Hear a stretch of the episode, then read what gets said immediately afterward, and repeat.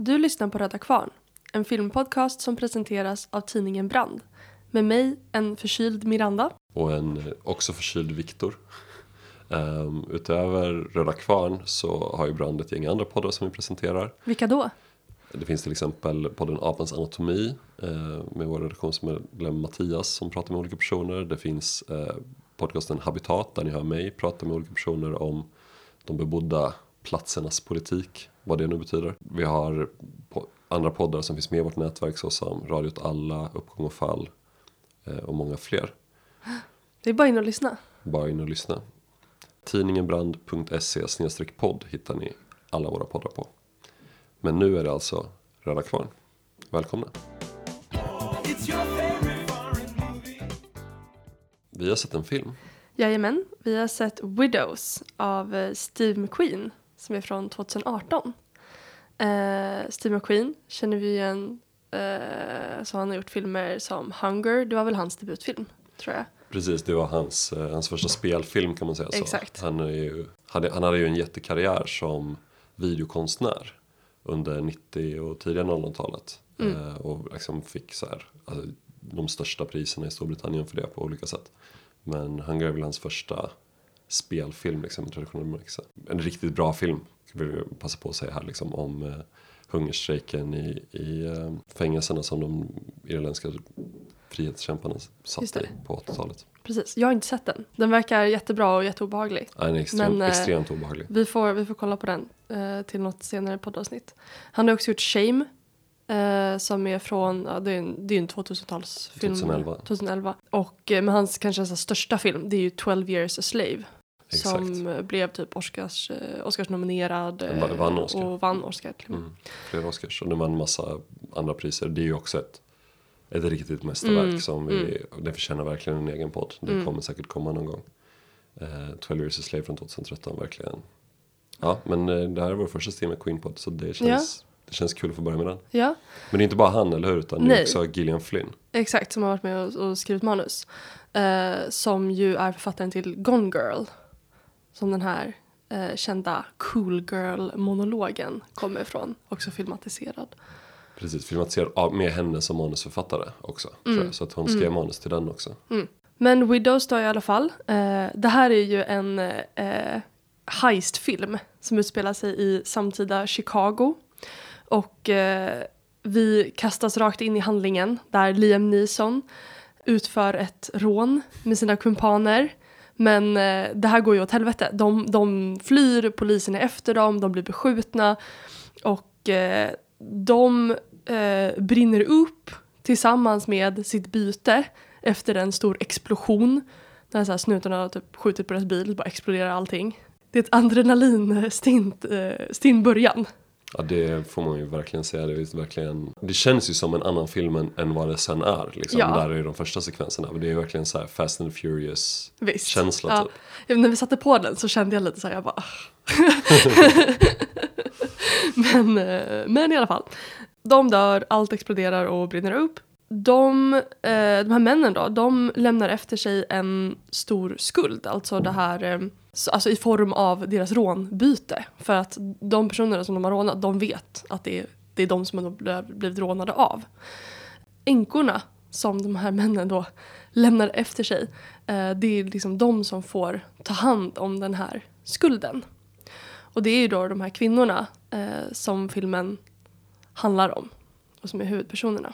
I huvudrollen ser vi då Viola Davis som spelar Veronica eh, som då var Liam Neesons fru.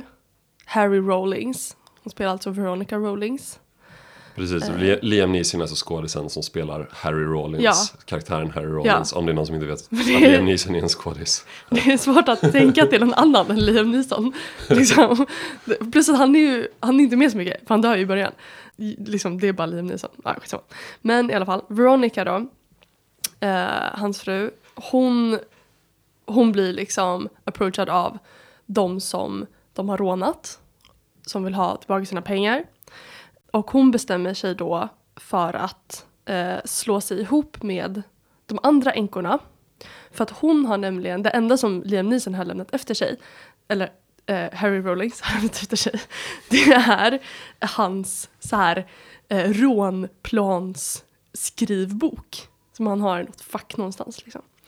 Harry Eh, was old school är det någon som säger någonstans i filmen. Just det. Liksom, han skrev ner allting. Ja, Old school. det är old school. Eh, och det här är liksom, det här är det enda Veronica har. Eh, och i den här boken, här finns liksom alla deras gamla planer, det fanns den som de dog i, eh, men det finns också planer för kommande rån.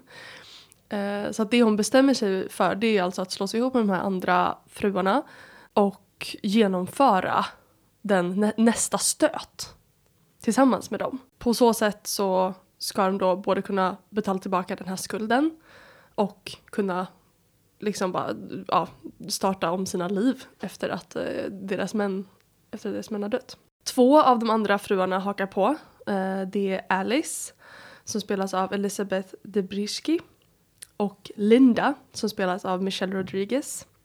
Och eh, till dem så ansluter sig sen också Lindas barnpassare som hon träffar via någon sån nanny-app eh, som heter Bell som spelas av Cynthia Erivo.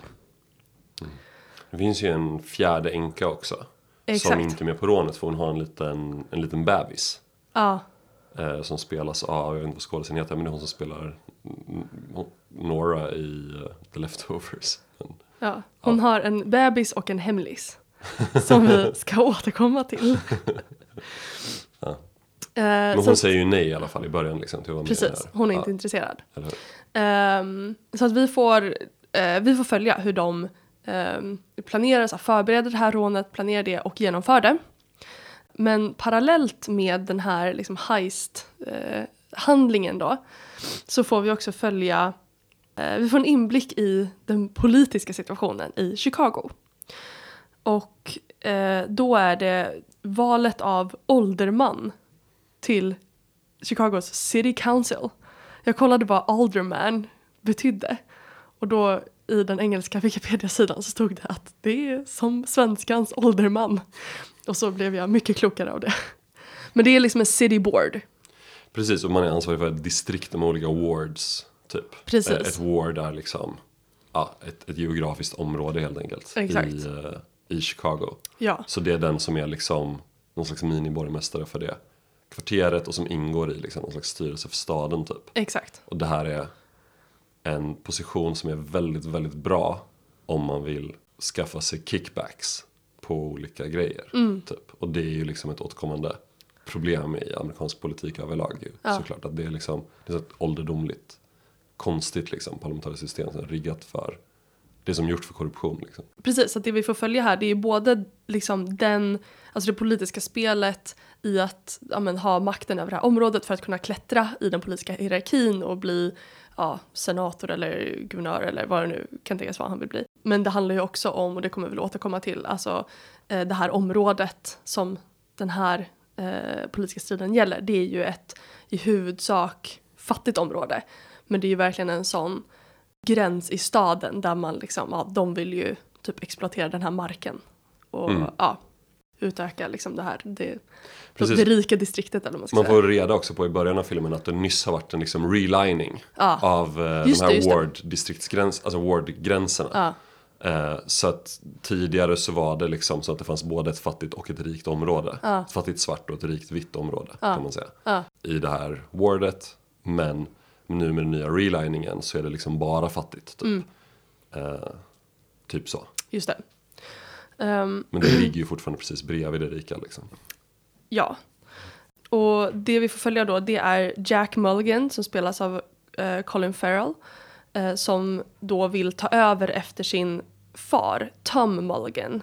eh, som är en sån här riktig typ konservativ, rasist, eh, bara ärkepolitiker typ.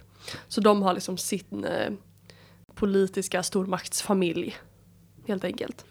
Precis. Eh. Tom Mulligan spelas ju då av eh, Robert Duvall. Det är en väldigt nice koppling tycker jag till, liksom, ja, men till Gudfadern helt enkelt. Så, han spelar eh, Tom Hagen. Så det är Absolut. liksom Tom och Tom som är, ja. Tack för den killiga Ja, instickaren. nej, men det, är liksom, det är liksom en nice eh, skojar kring att kring. Det, det, är- det kanske är killigt. Men Det är också sant. det är också sant och det är faktiskt så att det är en lite nice detalj tycker jag. Med liksom att han heter just Tom Mulligan liksom. Eh, att det är verkligen så. Han är ju en politiker men han är ju egentligen en jävla gangster liksom. Ja. Så det är liksom The Mulligans eh, och deras politiska dynasti. Och motståndaren och utmanaren det är då Jamal Manning som spelas av Brian Tyree Henry. Som vi känner som Paperboy från All tv-serien about the paperboy. från tv-serien Atlanta. Ehm, och hans bror uh, Jetem Manning. Eh, så det är alltså The Mulligans mot The Mannings. Och det är ju då, alltså The Mulligans de är ju så här, ja men vita, vit rik familj. Uh, medans uh, Mannings det är ju alltså ett svart brödrapar. Man får inte veta så mycket om, om deras bakgrund men de verkar ju inte ha lika mycket means som de andra i alla fall. Nej, inte de har väl mer nya pengar så de är Ja. ju knarklangare. Ja. Ja. det är andra means. Ja. Det här rånet i alla fall, som filmen inleds med, som gick åt helvete. Det får vi veta eh, var, det var Jamal Mannings som blev rånad, eller det var The Mannings helt enkelt, som blev rånade. Eh, och det är de som nu kräver tillbaka pengarna från Veronica och tjejerna. Och nästa stöt som de planerar då, det är, eh, som var planerat, det är mot eh, Mulligan-klanen. Så att på det här sättet liksom vävs, vävs de här eh, handlingarna ihop. De genomför ju det här rånet, de lyckas med det. De är ständigt bevakade av Man- Mannings, ja, männen eh, som jobbar åt dem. Eh, som försöker liksom, ja men typ ta alla pengarna helt enkelt när de är klara. Det blir så här skottlossning och massa dramatik men de kommer undan. Eh, och när de väl kommer till gömstället och då är det nog bara Veronica kvar som är där just då. Vem då dyker då upp? Om inte Liam Neeson, hennes man. För han var inte död. Han hade bara ehm, tänkt sticka. För att han har ju då skaffat barn med den här tredje änkan som inte ville vara med på, på kuppen. Precis, och han har gjort det här i maskopi. Får vi också reda på. Med Jack Mulligan. Så det finns ju också en, en koppling till det politiska spelet. Som handlar om Precis. att fucka bröderna Mannings eh, politiska kampanj. Liksom. Exakt. Precis. Så, ja men, han dyker upp där och ska typ mörda Veronica och tala pengarna. Men eh, hon eh, mördar honom istället. Slut. Slut är gott, allt är gott. ja. Eh, ja, det är inte riktigt slut där. Men jag tänker att vi kanske kan prata Ja. mer om liksom, detaljerna runt det och vilka de här karaktärerna är. När vi pratar om vad den här filmen handlar om egentligen. Vad skulle du säga Viktor? Precis, det är en bra fråga som alltid. En mångbottnad film. det här är en film som, där jag framförallt tänker på skuld och egendom. Det är en film eh, som ju verkligen tar upp de temana på väldigt många nivåer. Och hur, de, hur egendom eh, ter sig ur olika perspektiv. Eh, och ur, för olika människor liksom, beroende på var i samhället man befinner sig. Eh, vi har liksom den här nyrika knarklangar eh, bröderna. Vi har den här, de här gamla vita korruptionspengarna som kommer ur att liksom exploatera den, den, eh, ja, den är inte bara svart men liksom ja, svarta och bruna befolkningen i, i det här wardet som Mulligan-familjen gjort i alla år. Vi har också eh, den här unga kvinnliga företagarna. Det, är liksom, eh, det finns ett sånt projekt som Jack Mulligan skryter med i en scen. Där han är i något liksom eh, på en öde tomt typ i eh, ja, den fattigare delen av, av det här wardet. Och han liksom ska säga att så här, här kolla här vad jag, har, vad jag gör för de unga kvinnliga entreprenörerna här i vårt ward typ, som är dess framtid. Så har han ett gäng liksom, ja, svarta och bruna kvinnor upp på scen med sig som har typ fått starta businesses via eh, något program han driver liksom. Men eh, som vi får se då via Bell, hon är ju dels barnflicka då liksom åt eh, Linda får vi se, men hon jobbar ju också i en frisörsalong som är en del av det programmet. Där hennes eh, chef då liksom hela tiden måste betala massa pengar till familjen Mulligan. För att liksom hon äger ju inte den egentligen. Utan hon är liksom en entreprenör inom citationstecken. Men eh, hela programmet ägs och kontrolleras ju av, av Mulligan-familjen, liksom de här vita männen. Ja. Som äger liksom de här, eh, i teorin liksom då, svarta kvinnliga entreprenörerna. Ja, det är någon slags alltså, typ, typ mikrolånsverksamhet verkar det vara. Alltså, Ja. Där de får, de får ju lån eh, till så här, ja, ockerränta och därmed står de i skuld till the Mulligans. Mm. Och ska kanske prata mer om det sen också. Men det är ju verkligen också en stad om eh, hur, En film. en film om eh, hur städerna är liksom en plats för eh, egendom och kapitalackumulation. Mm. Och den uppmärksammar det på många olika sätt. Och man kan ju verkligen säga att det här är en film om stadsomvandling och gentrifiering. Mm. Eh, och i slutet av den här scenen där han presenterar de här kvinnliga entreprenörerna som han själv skor sig på liksom. Men får då framstå som någon slags här välgörenhetsprogram basically. Eller något, något politiskt program som ska gynna dem. Som egentligen bara gynnar honom. Så får vi sen se honom åka i liksom sin Mercedes eller jag vet inte vad det är för lyxbil. Men det är en lyxbil i alla fall. Eh, och prata med sin politiska assistent typ. Och de har en dialog om hur han ska bedriva sin kampanj och hur det ska gå för honom med de här Mannings och sådär liksom. Och det är ganska irriterat och det är väldigt frispråkigt får man ju säga liksom. Det är väldigt tydligt efter det här han säger på scenen vad han egentligen tycker och tänker om befolkningen han exploaterar och, och duperar.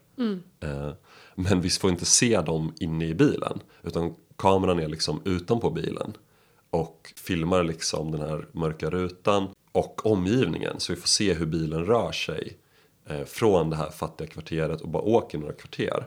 Liksom, den åker inte alls långt men vi får se hur stadsbilden förändras runt omkring och vi kommer in i det liksom rika vita området som ser liksom dramatiskt annorlunda ut på den här korta turen. Och vi har också fått cues där tidigare då om hur han är med och försöker driva något infrastrukturprojekt som han också får kickbacks från. Eh, och som syftar till liksom att höja markvärdena för att kunna liksom byta ut befolkningen och eh, flytta, liksom, ja, kapitalisera helt enkelt. Liksom, precis. På läget som ju är alldeles intill det är redan liksom, ja, ett område där markvärdet uppenbarligen är mycket, mycket högre. Så det är, verkligen, det är verkligen en film om, om kapital, om kapitalets makt, om rasmakt, om könsmakt. Kan man väl säga. Visst. Och de här eh, kvinnorna, de, eh, de visar ju lite olika delar av det här temat tänker jag. Eh, som du säger, alltså Belle är ju liksom, hon är ju involverad då via, via sin arbetsplats i det här Women Entrepreneur Empowerment programmet. Alice, hon, eh, när hon blir ja, liksom kvar då som, som änka, eh, då har ju inte hon, hon äger ju ingenting. Förutom hennes, sitt utseende som hennes jättecreepy mamma eh, påpekar. Och eh, hennes mamma tar då initiativ till att hon ska regga sig på en sån här sugar, sugar babe eh, dating site.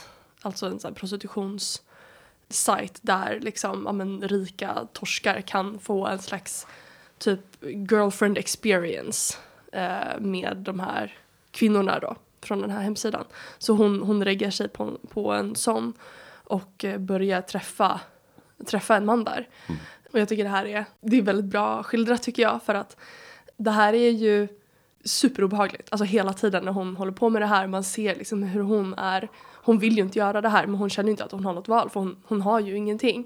Hon har också blivit liksom, ja men fysiskt och psykiskt misshandlad av Carlos, eh, heter väl hennes snubbe, som, som dör.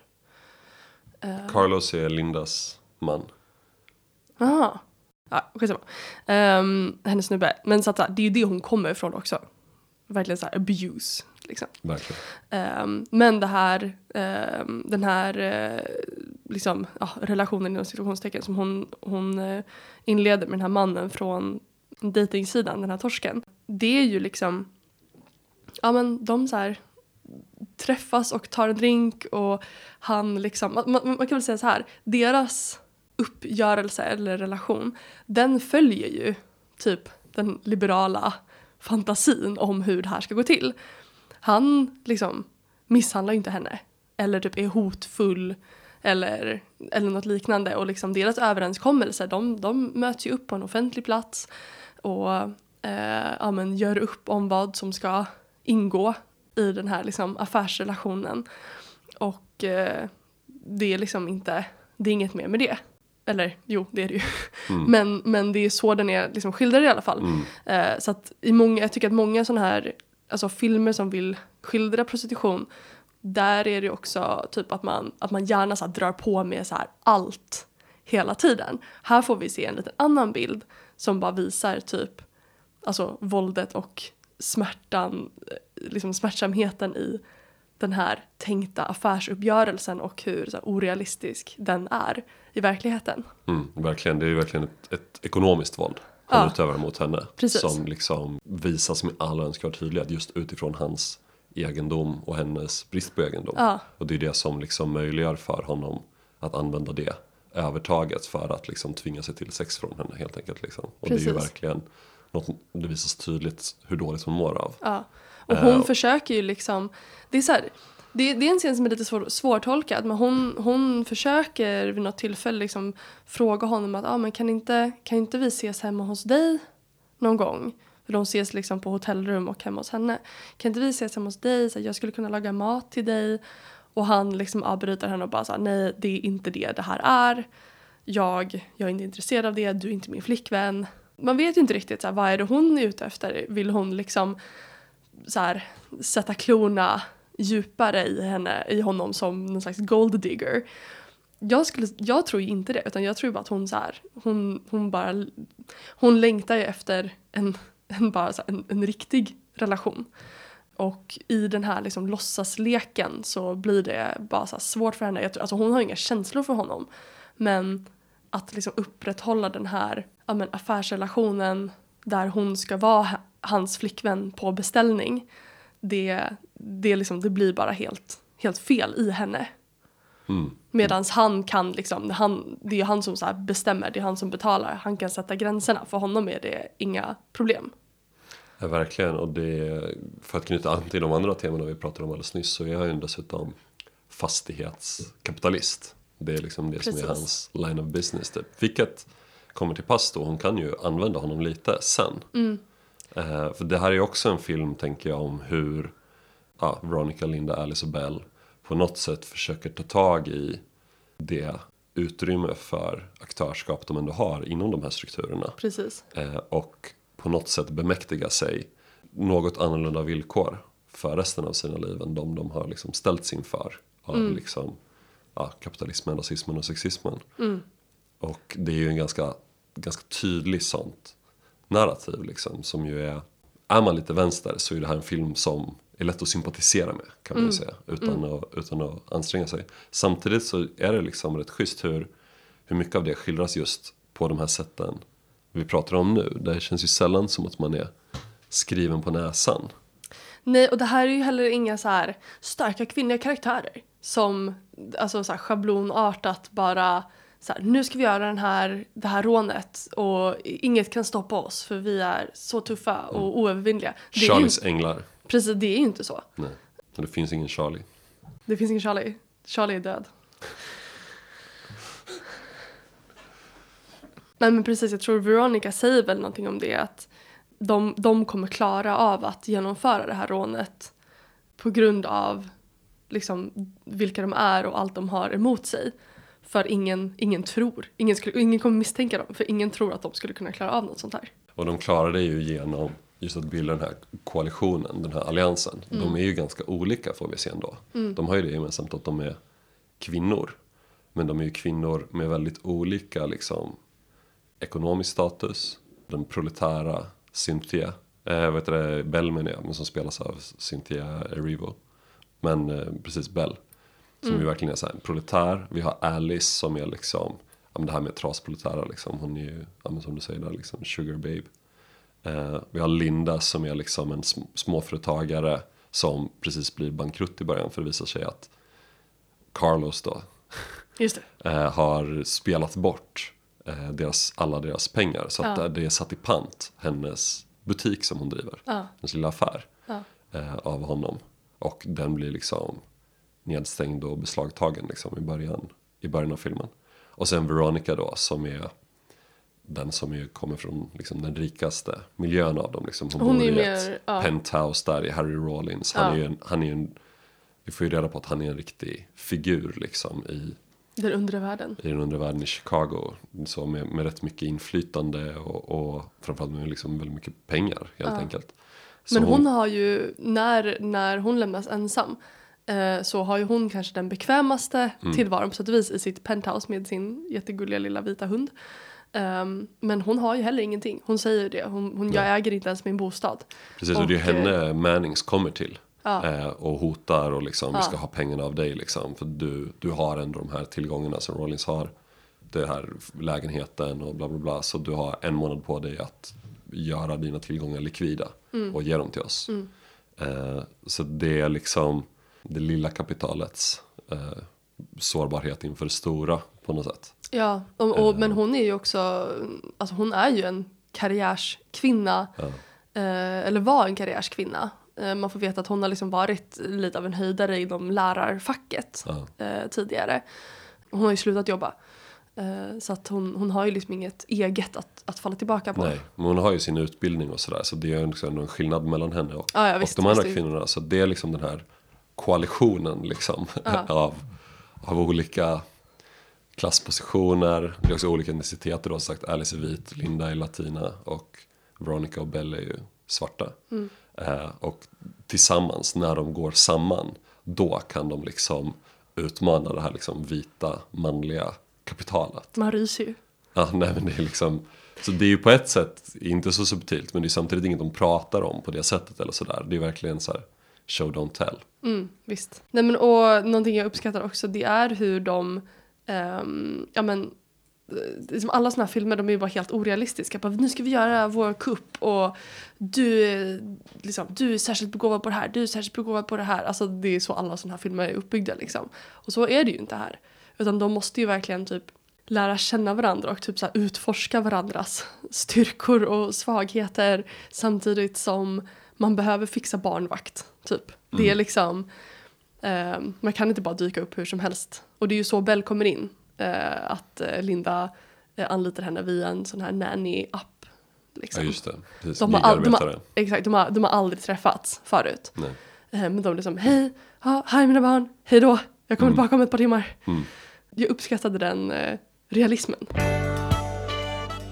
Ett annat liksom skuldtema som finns med här då liksom Förutom vad ska man säga, kapitalskulderna Det är ju liksom Alltså mer som en moralisk skuld helt enkelt eh, Och det vi får se där liksom Som kopplar också till liksom den här ursprungliga ekonomiska skulden Som Veronica dras in i då till Manningbröderna Det är ju Harrys skuld över att inte ha kunnat skydda sin, sin son. Harry och Veronica har en son ihop, eh, Marcus. Han är ju svart liksom, hans mamma är ju svart. Eh, även om hon har en vit pappa. Eh, och han får vi reda på blir mördad av en polis i samband med att han, ja, de stannar hans bil helt enkelt. Och han eh, sträcker sig fram för att ah, det, det, han pratar med Harry i telefon. När han blir pulled over då liksom av den här polisen. Och behöver i samband med det då sträcka sig efter någonting i handskfacket och då skjuter polisen honom. Mm. Polisen bara Eh. license and registration och så böjer han sig fram för att typ ta fram det och då, då skjuter han honom bara. Ja, det, är inte något, det är inte det, nu blir jag så här, vad var det som hände nu igen? Men det är någonting, det är något strul. Han ska Ja. gömma någonting typ, eller han ska ta fram någonting. Alltså det är någonting som har att göra med samtalet med, med Harry. Men ja, precis, han pratar med sin pappa i telefonen. Ja. Pappan är typ fett, fett stressad för han har någonting i bilen som han behöver. Sonen Ja. blir distraherad i sin bilkörning och då blir han stannad, fipplar med någonting, blir mördad. Ja, och eh, det är ju en sån riktig, en sån scen där vi verkligen får se Harry sårbar liksom tillsammans med Veronica i en flashback där han just gråter och är så här I couldn't protect him. Typ. Det är liksom den skulden som ju på något sätt driver honom också eh, att göra hela det här enorma sveket mot både Veronica och mot sina kumpaner. Eh, och liksom alliera sig med, med Jack Mulligan. Eh, för det blir liksom hans möjlighet att, att starta ett nytt liv, att fly från sin skuld. Helt Ja. enkelt. Att liksom bilda sin nya vita familj som inte blir sårbar för liksom det statliga rasistiska våldet på det sättet hans, hans familj med Veronica var. Eh, hennes, precis, hennes liksom status och utbildning till trots. Ja, exakt. Och hans förmögenhet till trots. Ja. Liksom. Och hans liksom, kontakter i undervärlden och, och allting. Liksom. Mm. Så Marcus blev ändå, blev ändå ett offerfadder. Liksom. Så att det, även han, även han blev ju väldigt, alltså hade ju verkligen en sårbarhet. Som vi får syn på i, i hela den situationen.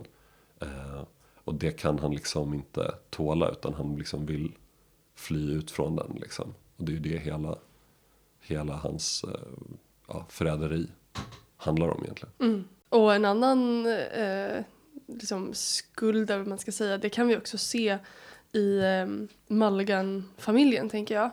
Där alltså den här patriarken eh, Tom Mulligan, den karaktären känns ju mer som bara den här eh, liksom genomruttna, alltså han är typ en ond, en ond människa. Hans son däremot, han drivs ju mest av att han känner att han står i skuld till sin pappa och vill liksom göra sin pappa stolt och föra vidare det arvet. Och man, man får liksom se eh, någon scen de, när det bara är de två där Tom liksom bara hotar honom med stryk. Eh, man får ju en, en, liksom en inblick i hur den barndomen kan ha varit där. Och jag tycker det är, det är också bra för att liksom Jack Mulligan, alltså som spelas av eh, Colin Farrell, eh, han, han agerar ju i det här, liksom, i det här politiska spelet. Det är, liksom, det, det är riggat som det är och spelreglerna är, de är ju utritade av andra än han själv men han, liksom, ja, han följer dem ju och, och stärker dem.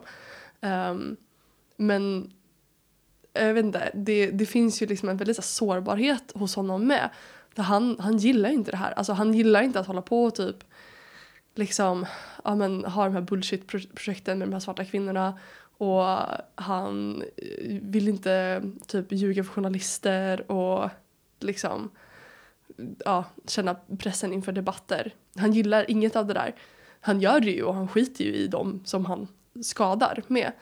Men det är, jag vet inte, jag tyckte det var, det är en schysst skildring också av liksom den här vita makten som väldigt typ relationell och sårbar och typ det handlar väldigt mycket om just att så här hans eh, abusive pappa typ tvingar honom in i det här. Bara fortsätta liksom förstärka den här strukturen.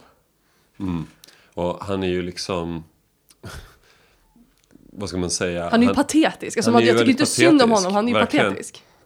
Precis, det finns ju en självömkan i det där. Och stackars mig som måste spela det här maktspelet liksom. Ja. Sådär. Och han, han tycker att det känns lite pinsamt och lite fult på något sätt. Får vi verkligen en bild av. Och han säger, det finns en, en, eh, en rätt stark scen där, där han bråkar med sin pappa. Och pappan säger något väldigt så öppet rasistiskt liksom. Om att typ det är liksom vi mot dem och den demografiska utvecklingen och bla bla bla. Det är liksom, ska vi behålla vår makt liksom, vi vita. Då måste vi liksom äta eller ätas typ. Ja. Ungefär så Ja. liksom. Eh, och då säger Jack till honom så här att så här, ja, jag ser fram emot att du ska vara, att du ska vara död liksom. Att vi slipper din generation och, och sådana som dig Ja. svarar han på det. Eh, samtidigt som han ju verkligen fortsätter det pappan har gjort. Ja. Eh, genom det. Och det är ju så att i slutändan, det är ju liksom en kamp mellan dem. Liksom mellan Jack Mulligan och Jamal Manning. Som löper liksom genom hela filmen. Och i slutändan det som avgör det här valet. Som visar sig vara på väg att bli rätt jämnt. Det är ju att Tom Mulligan blir dödad. I samband med eh, rånet. Hemma hos Mulligans då. Han blir dödad av eh, Alice vill jag säga. Visst är det Alice som dödar honom? Det, blir ju, det uppstår en situation där, eh, där Alice också blir skjuten men klarar sig. Jag är osäker på om det är hon eller Linda som skjuter. Ja, Det är nog Linda som skjuter Linda. Tom Mulligan. Precis, Ja. Alice blir skjuten och Linda skjuter Tom. De är ju maskerade så det är Ja. lite svårt att eh, hålla reda på. Ja. Men han blir dödad och då utifrån liksom sympatiröster eftersom hans pappa blev dödad. Så vinner Jack valet då. Mm. Så det är liksom den här scenen jag ser fram emot. När du är död liksom och vi inte behöver förhålla oss till det här. Det blir ju verkligen profetiskt så här. Ja, Toms död är ju faktiskt det som möjliggör för Jack att fortsätta Toms gärning liksom. Mm. Och för den vita makten att, att bevaras liksom. Det, Han kan ju tycka att eh, pappans så här, rasistiska uttryck är vulgära. Men han är ju, han, han är ju bara beredd att fortsätta liksom bara bekämpa den svarta arbetarklassen. Exakt. Och liksom, ja, hela arbetarklassen såklart. Men det är verkligen liksom rasismen är något vi inte pratar om helt enkelt. Det är bara något vi profiterar på. Det är verkligen den, den bilden av liksom det vita amerikanska kapitalet vi får se. Och det är ju, det är ju ganska mitt i prick får man väl helt enkelt säga. Vi spelar in det här i februari 2020. Det är en väldigt bra skildring av samtiden helt enkelt. Det knyter också an till ett annat tema som eh, är också liksom framträdande i filmen. Och det är ju kopplingen mellan eh, egendom och våld. Våldet är verkligen den grund varpå egendomen vilar. Eh, och även liksom, liksom rasmakten och, och könsmakten. Eh, och det är ju verkligen något som verkligen visas. Gud hur mycket jag säger verkligen nu. Den här filmen är verkligen... Ja, men det, det, ja, precis, den är mycket. verkligen, eh, verkligen on point liksom.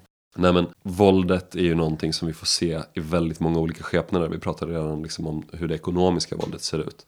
Mot eh, Belle och hennes arbetsgivare, mot eh, Alice i hennes sugarbaby-position, mot Linda eh, med hennes eh, butik liksom, mot Veronica med den här skulden och sådär. Även liksom Harrys rån handlar ju om våld från början då. Vi får se det rasistiska våldet mot Harrys och Veronicas son. Men vi får också verkligen se våldet som sättet att bemäktiga sig egendom. Framförallt skildrat via Manningbröderna. Eh, Jamal Manning är ju politikern och den liksom lite sliriga typen liksom. Som är lite, ganska karismatisk och, och framstår ofta som lite sympatisk liksom. Eh, hans bror Jatem spelas av Daniel Kaluuya som eh, jag mest känner igen från eh, det här avsnittet i första säsongen av Black Mirror. Där han spelar den här killen som springer på ett löpband typ. Och sen försöker säga att hela vårt samhälle det här är bara som ett skådespel och varför ska vi ens leva typ. Och så blir det hans gimmick. Så blir han, Just det, han ska här, ta livet av sig direkt sen tv. Ja, och då, då, tycker folk, då tycker folk att det är så typ, kul att, att Ja. kolla på.